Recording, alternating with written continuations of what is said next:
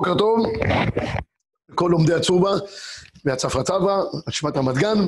אני מתנצל בשם הצוות הטכני על העיכוב הקל שיש לנו, פשוט המארגן של כל המערכת נכנס לבידוד אתמול, ולכן קצת עיכובים, אבל אנחנו משדרים. טוב, אנחנו היום נעסוק בשיעור שלנו בשני עניינים. אחד, ניתן פתיחה להלכות לשון הרע, שזה הנושא הבא, בצור בבן אדם לחברו. קצת נעסוק ביסודות של הדברים של לשון הרע. ולאחר מכן, ברשותכם, אני אתן כמה דקות על צום עשרה בטבת שיחול מחר, כמה פרטי הלכות שנוגעים בעיקר למחר, כיוון שמחר זה יום שישי, אז אה, ניגע בכמה דברים קצרים בעניין הזה. התורה בענייני לשון הרע אה, מונה המון איסורים, עד כדי שהחפץ חיים עשה ספר שלם, כידוע לכולנו, על אה, כל איסורי לשון הרע, אין, אין בדברים שהם לאווים ואין מסה ואין ארורים.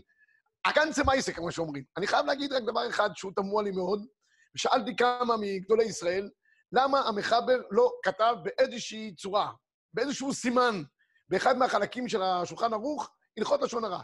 אם הדבר הוא כל כך נוראי, והוא נוראי, אין שום ספק. ומוני המצוות מונים את זה כאיסורים כאלה ואחרים. למה המחבר לא נגע בזה בצורה מפורטת? מתי מותר, מתי אסור וכולי? אז uh, יש כאלה שרצו להגיד שזה בענייני מידות ומוסרים, אבל זה לא נכון. זאת אומרת, פה מדובר בהלכות מפורשות, בענייני דיבור, מה מותר ומה אסור. תמיע בעיניי, מי שיש לו תירוץ, אשמח לשמוע, וכשיפתחו המקוואות, הוליך את כליו לבית המרחץ. עכשיו, בכל אופן, הרמב"ם כן נגע בזה, ואנחנו היום גם ניגע ברמב"ם, מה שהוא ציין בענייני לשון הרע, גם בקצרה, לא בהרחבה גדולה, בהלכות דעות, הרמב"ם כמה הלכות, שתיים, שלוש הלכות, ובזה סיים את כל ענייני לשון הרע. אנחנו אבל קודם כל נלך לתורה, כדרכנו בקודש מתחילים מהתורה הקדושה. התורה אומרת לנו שני, שני דברים מאוד ברורים, לא תלך רכיל בעמך, לא תישא השמע שם, והמכילתא ברשב"י כותבת, ומניין הזרה למספר לשון הרע, מקבל לשון הרע, התלמוד לומר, לא תישא, לא תשיא. המכילתא דורשת שאסור לדבר לשון הרע, אסור לשמוע לשון הרע, בטח שאסור לקבל לשון הרע, אחד מהדברים החמורים ביותר בלשון הרע, זה שהאדם, הוא שומע לשון הרע ומקבל את הלשון הרע. מאמין לזה. גם אם אדם נקלע לסיטואציה, שפתאום מישהו מדווח לו כל מיני דיווחים כאלה ואחרים, שישחרר את העניין ויגיד, סתם הוא... סתם, מדבר דברי גיבובים ושטויות, שום דבר לא אמיתי. ברגע שהוא עושה את זה, והוא לא נקרא בגדר מקבל לשון הרע, האיסור מבחינתו של המקבל הוא הרבה יותר uh, רך. הבעיה שלנו שאנחנו אוהבים, אוהבים לספר לשון הורים, יש משהו עסיסי, ובטח שאנשים גם אוהבים לשמוע לשון הורים, זה משהו עסיסי על מישהו אחר, שלא נוגע אליהם, והחוויה של הדיבור והשמיעה וה, והפירוט של הדברים, הם יוצרים את האיסור. ולמה? כי בצורה הזאת אנשים מאמינים, ואין שום ספק, רבותיי. מי ששומע לשון הרע, בסוף הוא מונחה על פי לשון הרע. הוא יסתכל על אותו אדם בעין אחרת לגמרי, לא יעזור בית דין. גם אם אחרי כן הוא יגיד לעצמו, לא, אולי... אין דבר כזה. שמעת, קיבלת ואתה מאמין באיזושהי צורה, כל ההסתכלות על האחר היא הסתכלות שונה, עד כדי לדברים שבאים לידי מייסה. הוא רוצה להתקבל אליך לעבודה, הוא רוצה להתקבל אליך לישיבה, או כל דבר אחר שבו נפקא מינה, אם ניזונת מלשון הרע, אתה מתנהל אחרת. כשאתה מתנהל אחרת, זה חורבן החברה. זה ממש לשון מדברת גדולות שהורסת את כל התורה כולה. אז לכן, נראה תכף מה החורבן הגדול של לשון הרע שיוצר בעולם. והפויסקים דנים בדבר מאוד מעניין, הרמב"ן בעיקר דן בזה בהרחבה, על הפסוק, זכור את אשר עשה השם אלוקיך למרים בדרך בצאתכם ממצרים. יש פה דין זכור, זכור על משקל, זכור את אשר עשה לך עמלק. והרמב"ן פה דן למה הזכור הזה של מרים גרע מזכור את אשר עשה לך עמלק? כמה גנצה מייסה אנחנו עושים מזכירת עמלק? אנחנו עומדים כולנו, מצד עשה דאורייתא, מכוונים לצאת ידי חובה, הקורא מכוון להוציא אחרים ידי חובתם. כי אנחנו מקיימים מצוות מכירת עמלק. הרמב"ן שואל, למה נגרע דין זכור את אשר עשה השם אלוקיך למרים, שדיברה לשון הרע במוישה רבינו עליו שלום? למה זה נגרע? אני קורא לכם כמה משפטים מהרמב"ן בדברים. זכור את אשר עשה השם אלוקיך למרים, אם באת להיזהר שלא תלקה בצרת, לא תספר לשון הרע. ולפי דעתי, היא מצוות עשה ממש, כמו זכור את יום השבת לקדשו, זכור את יום שיצאת ממצרים. זכור את אשר עשה לך עמלק. כולם על אותו משקל של זכור. כולם מצווה. אם גם כן, זה כמותם, והיא הזרה מדבר לשון הרע. יצווה במצוות עשה שנזכור העונש הגדול, שעשה השם לצדק את הנביאה, שלא דיברה אלא באחיה. גמול חסדה, אשר אהבתה כנפשו. מי הייתה מרים למשה רבנו? זה, זה היה האח שהיא הכי אהבה, היא שמרה עליו במסירות נפש. גמול נפשה אשר אהבתה כנפשה. לא דיברה בפניו שיבוש, לא בפני רבים, רק בינה לבין אחיה הקדוש בצנעה. וכל מעשיה הטובים לא הועילו.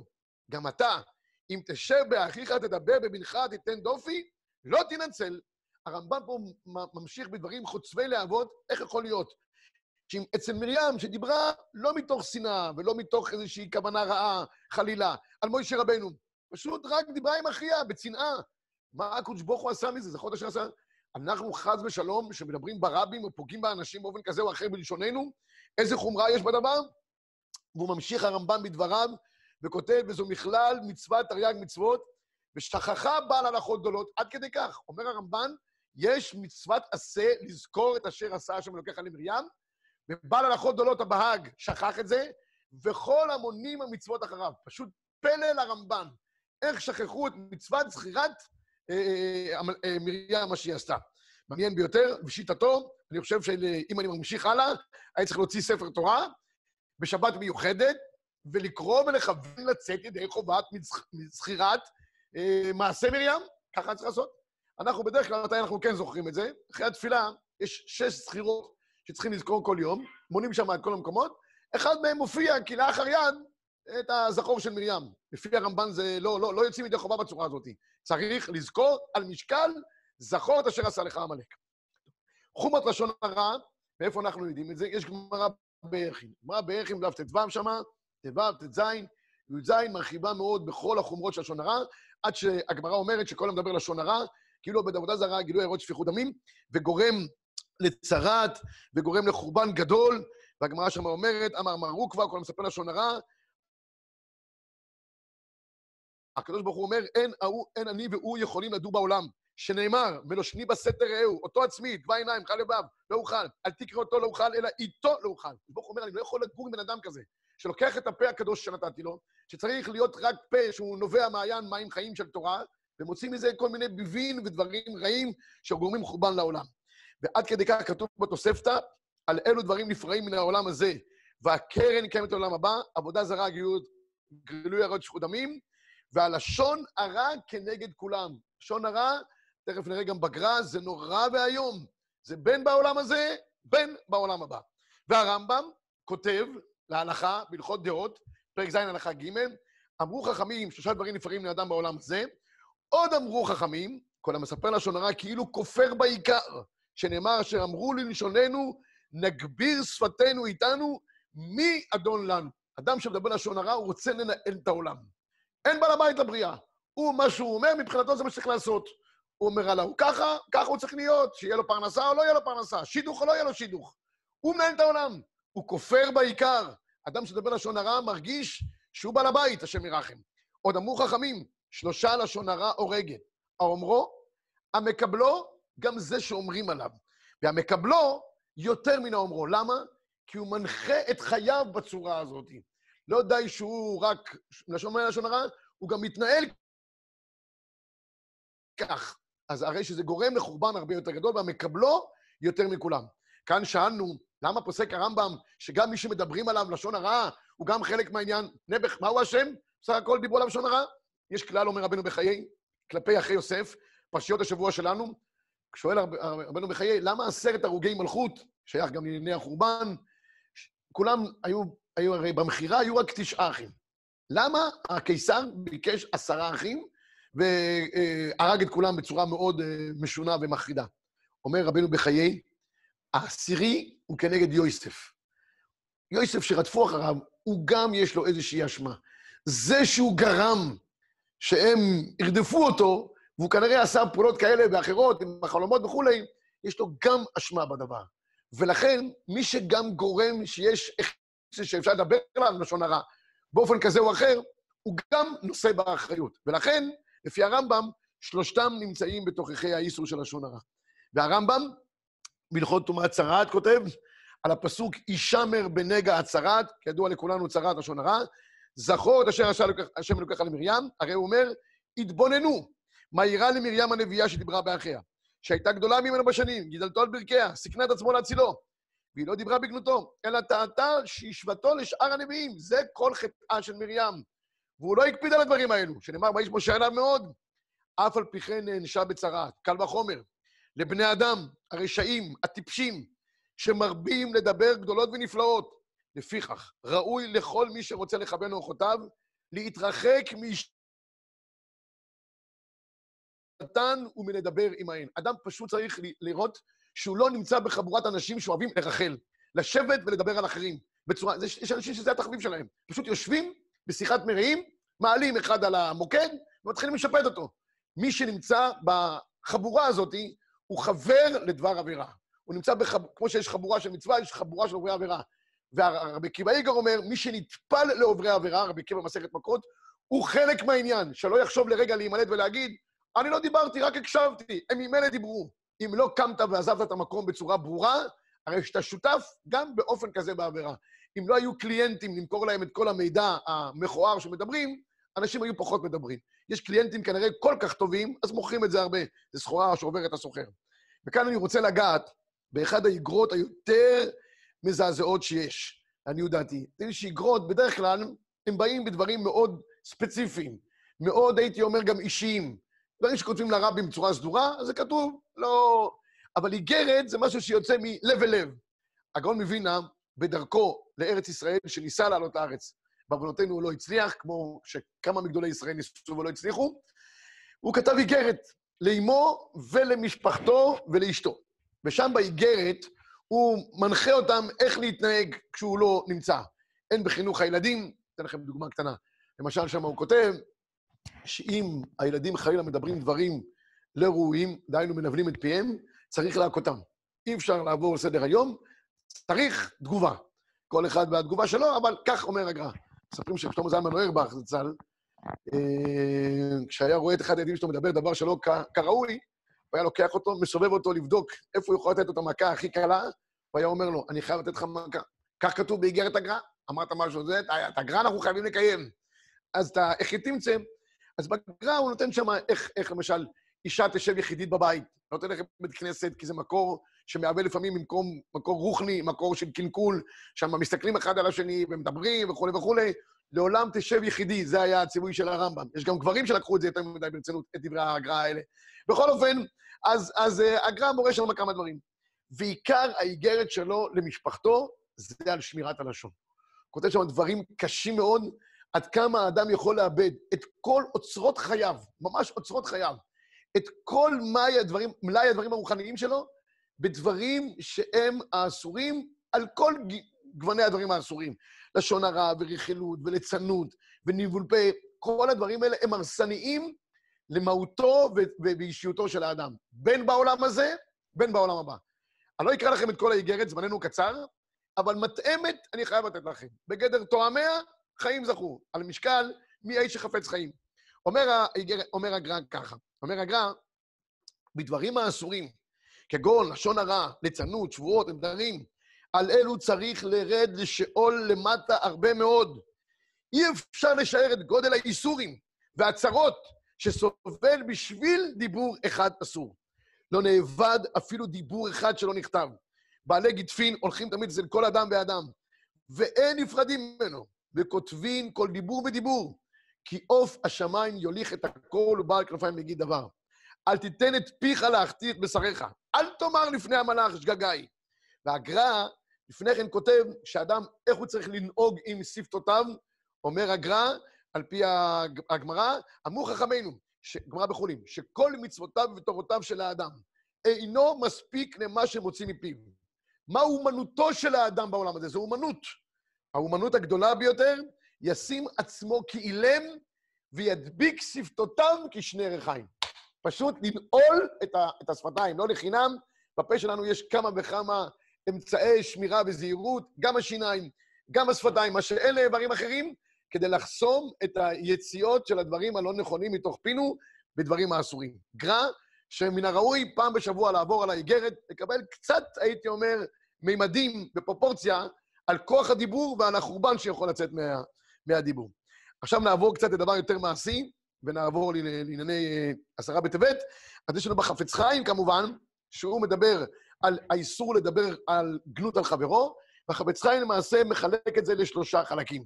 הוא מחלק את זה למי שמרגל בחברו, מי שהולך רכיל, ומי שמוציא שם רע על חברו. למעשה, אלה שלושת הדברים העקרוניים באיסורי לשון הרע. ונדבר אה, בקצרה על, על כל אחד מהם. לא תלך רכיל בעמך, אומר הרמב"ם, זה עוון גדול, גורם להרוג נפשות וכולי. רכיל טוען דברים שהולך מזה לזה, וכמובן מוציא שם רע על חברו, זה מי שמדבר עליו דברים אסורים באופן שכולם אה, אה, יודעים שזה דברי שקר. אני רוצה לקרוא לכם את, ה, את הלשון של החפץ חיים. אסור לספר בגנות חברו אפילו על אמת גמור, וזה נקרא בפי חז"ל, מדבר בכל מקום לשון הרע. אדם מדבר על חברו דברי גנות, זה נקרא לשון הרע. אדם סתם מדבר ומעביר מידע מאחד לשני, נקרא רכיל. המספר עובר בלא תעשה שנאמר לו תלך רכיל. סתם מספר בעלמא. ומי שמוציא שם רע על חברו, דהיינו ברבים, זה בגדר מוציא שם רע. יש לנו מספר לשון הרע, יש לנו אחד שהוא בגדר הולך רכיל, ויש לנו בגדר אחד שמוציא שם רע. תראו כמה נזקים הלכתיים אדם יכול לעשות ב- בלשונו כלפי האחר. כמה נזק כמה דברים יכול לעשות. הכסף מי שפה מרחיב בעניין בדברי הרמב"ם, אבל אנחנו, אה, זמננו עכשיו קצר, בעזרת השם בשבוע הבא נמשיך את הלכות לשון הרע, יש לנו עוד כמה אה, חוברות ושיעורים לעסוק בנושא הזה בהרחבה יותר. מחר, בעזר השם, יהיה אה, צום עשרה בטבת. אולי נזכה שעד מחר יהפכו דברי הנביא, כמו שאמר, צום הרביעי וצום החמישי וצום העשירי, כוונה היא בחודש העשירי, חודש טבת, יהפכו לבית ישראל לששון ולשמחה, בעזרת השם יתברך. אולי נעשה היום תשובה כולנו ביחד, ומחר נזכה ניסים ונפלאות. היה ותשובתנו לא תתקבל חס ושלום, אז נערך בכמה דברים. בדרך כלל, צום לא חל בימי שישי ולא בשבת. כל הצומות האחרים לא יחולו, הכוונה היא לא צום של, של אה, יום הכיפורים שיכול לחול בשבת, אבל שאר הצומות האחרים שבדברי סופרים לא יחולו ביום שישי ולא בשבת. אבל צום עשרה בטבת הוא מיוחד. בבית יוסף מופיע שלו הצום הזה היה חל בשבת, היו צריכים לצום אפילו בשבת. למה? כי כתוב על העשרה בטבת בעצם היום הזה. איפה שכתוב בעצם, זה דוחה אפילו שבס. אבל על פי הלוח השנה שלנו, לעולם עשרה בטבת לא יכול לאכול בשבת, אבל זה הצום היחיד, בניגוד לצום גדליה למשל, או, או צום טלית אסתר, או י"ז בתמוז, הוא כן יכול לחול ביום שישי, וזה נדיר, אבל זה קורה מחר. אז כמה עניינים בענייני הצום העקרוני וגם מחר. ראשית, מי שרוצה מחר בבוקר, אה, לפני, לפני שמתחיל הצום, גם לפני עלות השחר, רוצה לאכול, לפני שהוא הולך לישון, הוא חייב לעשות תנאי ברור, שהוא, אם הוא קם בלילה, לפני עלות השחר, הוא רוצה לאכול.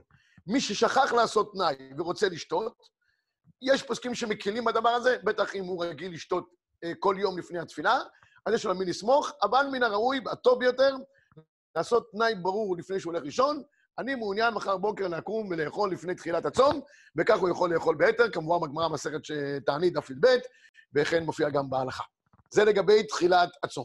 לגבי הצום עצמו, צום כמו כל הצומות, ויש בו דבר מיוחד שהוא מתיר לנו מחר ביום שישי. מחר אפשר להתרחץ כרגיל.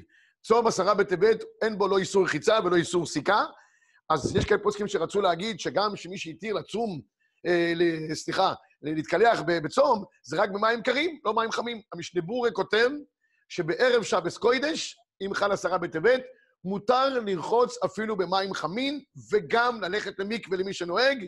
לא יודע, המצב של הקורונה עכשיו, המקוואות, אבל כעיקרון, אין מניעה מחר. גם להתרחץ בחמין לכבוד שבת קודש, ויש עניין לכוון לכבוד שבת קודש, ולכן יש כאלה שעושים את זה דווקא אחרי חצות.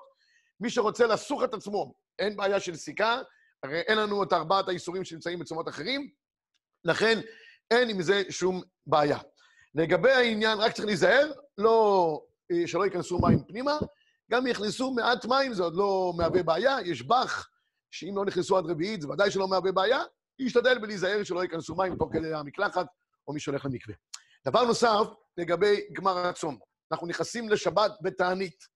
אז ראשית לכל, מן הראוי שהחזנים לא יחליטו שדווקא עכשיו בליל שבת כזאת הם רוצים לעשות קרליבך, כי זה שבת שרוצים לעורר את העם ישראל, קומי מעם פח קומי, בלבשי בגדי רוזך וכולי, שישאירו את קרליבך לשבתות אחרות. אנשים סובלים, ויש עניין לזרז את התפילה כדי שלא יבואו לידי אה, סבל. העניין הוא שיש כאלה מנהגים, אה, קהילות, שנוהגים להקדים את התפילה. איך מקדימים את התפילה? כמו שעושים בשבת אה, קיץ, שיש אנשים שמקדימים את התפילה שלהם. מתפללים מנחה לפני הפלאג, ואז ממילא אפשר להתפלל גם קבלת שבת, מאירים, אחרי הפלאג. אפילו שעוד לא הגיע השקיעה, אבל הפלאג הוא כבר מאבד איזשהו הבדל בין uh, מנחה לבין תפילת ערבית, וממילא אפשר אחרי זה מיד ללכת הביתה. כשהגיע הזמן צאת הכוכבים, ומן הראוי שאותם קהילות שמקדימים תפילתם לא יקדימו לפני, שלא יגמרו לפני צאת הכוכבים, שלא יבואו לידי מכשול, כי גם כשהקדימו את התפילה, זה הכל כדי שבצאת הכוכבים, אנשים מיד יוכלו לקדש ולאכול. כמובן שחייבים קידוש קודם, שבס קודש. אי אפשר לאכול בלי קידוש, אפילו אם אדם מרגיש קצת רע, זה, אי אפשר לשתות, לא מים ולא שום משקה, לא שום דבר, קודם כל מקדשים, ואז אפשר לשתות ולאכול לחיים טובים ולשלום. אז אה, אפשר להקדים את התפילה, רק לשים לב. מי ש... קהילה שמקדימה את התפילה, את התפילה קודם, דהיינו לפני השקיעה, אחרי הפלאג, להזכיר לאנשים לומר קריאת שמע, שלוש פרשיות, לאחר צאת הכוכבים, בכוונה, ובזה הם יוצאים ידי חובת קריאת שמע של לילה. יש מצב שאני יכול להקדים תפילה, אבל קריאת שמע של ערבית, היא חייבת להיות אחרי צאת הכוכבים, כמובן בגמרא מסכת ברכות, וככה נמצא להלכה. לכן, מן הראוי לזרז את הציבור להגיד קריאת שמע כהלכתה אחרי צאת הכוכבים. מי שמתפלל כרגיל, בזמן, זאת אומרת, עם הדלקת נרות מנחה וכולי, אין מצוין. כמו שאמרתי, רק לא לגרום לתיחא דציבורא. לא להתחיל לסלסל, אנשים רעבים, צריכים ללמוד את התפילה וללכת חזרה לבית. אני גם חושב שמדין עונג שבס, אסור להרחיב בתפילה בתענית. כך נראה לעניות דעתי. כיוון שכבר נכנסה שבת, כמה שפחות בשבת להיות בתענית, כי הרי בשבת אסור להיות בתענית, אלא אם כן האדם יש לו איזה תענית חלום או משהו מיוחד, אבל כעיקרון בשבת קודש אנחנו לא נמצאים בתענית, לכן אסור, נראה לי שאסור, פשוט להרחיב את התפילה בצורה לא ראויה. להתפלל כדבעי, בצורה נורמלית, לא גם לזרז יותר מדי, אבל לא לגרום לאנשים עינוי ולא תיכא דציבורא. חלק מהפוסקים אומרים שהגדר של תיכא דציבורא זה איסור דאורייתא, עד כדי כך. ראיתי כמה תשובות בעניין הזה. ולכן, להתפלל בצורה עניינית. מה יש כל כך מיוחד בצום עשרה בטבת? הרי החורבן חל בי"ז בתמוז, אז נבקעה העיר, ואחרי זה נשרף הבית בעוונותינו בתשעה באב. העניין הוא פשוט מאוד. תדעו לכם שיש שלושה ימים בטבת שמן הראוי היה לצום בהם. ח' טבת, ט' טבת, עשרה בטבת. שני הצומות האלה, ח' וט', זה נקרא תענית צדיקים. צדיקים מתענים. המון העם לא מתענה בהם. עשרה בטבת, שאז התחיל המצור על ירושלים, המצור גרם לרעב קשה מאוד בירושלים, אז כלל ישראל כולו צם. על מה צריך לצום בח' בטבת ובט' בטבת? ח' בטבת תורגמה התורה ליוונית, זה היה יום שהיה קשה לישראל כיום שנעשה בו העגל, וט' בטבת זה היה יום שנהרגו בו, נפטרו בו עזרא ונחמיה, שניים מגדולי ישראל, שהם פרנסו את ישראל, וישראל סמכו עליהם, וכתוב שביום שהם נפטרו, חשך העולם בעד ישראל. אז על, על, על, על, על שני המאורעות הקשים האלה, היה מן הראוי גם לצום. מי שעוד יכול, עוד לא היום ט' בטבת, אפשר עוד להזדרז, מי שמרגיש את עצמו צדיק, ולעניין הזה כל אחד יכול להרגיש את עצמו צדיק, כך אומרת הגמרא בתענית, אז יכול לצום. אבל עשרה בטבת, כלל ישראל כן צמים, אני אומר כלל ישראל, אבל אם יש עוברות או מניקות, מן הראוי שלא יצומו. אני אומר מן הראוי שלא יצומו, כי ירדה חולשה לעולם, והפוסקים כותבים שלא יצומו.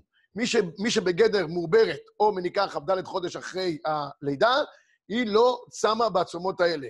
צומות אחרים, כל, כל צומות, אבל הצומות שהם מדברי סופרים, כמו עשרה בטבת או י"ז בתמוז, הן לא צמות, כדי לא לגרום חולשה. יש בזה עוד כמה קולות שהפוסקים הרחיבו את זה, ואמרתי את זה בשיעורים אחרים, אבל בעניין הזה הן לא צמות. גם קטנים, אין עניין להרגיל אותם לצום, צריך לתת להם לאכול, לא לסכן אותם. די ביום הכיפורים שהפוסקים דנים כמה מותר להרגיל את החינוך לקטנים. בטח לא בעשרה בטבת. אבל גם מי שאוכל, זה חייבים לציין, שלא יפתח שולחן ויתחיל לאכול uh, ממתקים או יעשה על האש, זה פשוט שלא. יאכל מה שצריך, הציבור נמצא כולו בתענית, הוא צריך להיות שותף עם הציבור, אסור לאדם לפרוש מן הציבור, אז שיאכל מה שהוא צריך כדי מחייתו. אגב, אני אומר לא להרחיב יותר מדי, גם שמחר מותר להתרחץ אפילו בחמין, נראה לי שבגלל הצום, מן הראוי לא לעשות מזה עסק יותר מדי גדול. לשהות יותר מדי, לא יודע מה, כל מיני קצפים, כל מיני דברים, או אדם יעשה איזה אמבטיות, או יש אדם ג'קוזי, לא יודע מה שאנשים עושים כל מיני דברים. ביום התענית התירו לרחוץ, בטח מחר מפני כבוד השבת, אפילו בחמין, אבל כמו שמי שמתירים לו לאכול לא יאכל דברים היתרים, המענגים יותר מדי, שירגיש בצרת הציבור, נדמה לי על אותו משקל גם ברחיצה, נא לא להפריז מעבר למידה. כבוד שבס, כן, עניינית, אבל לא מעבר לדבר הזה.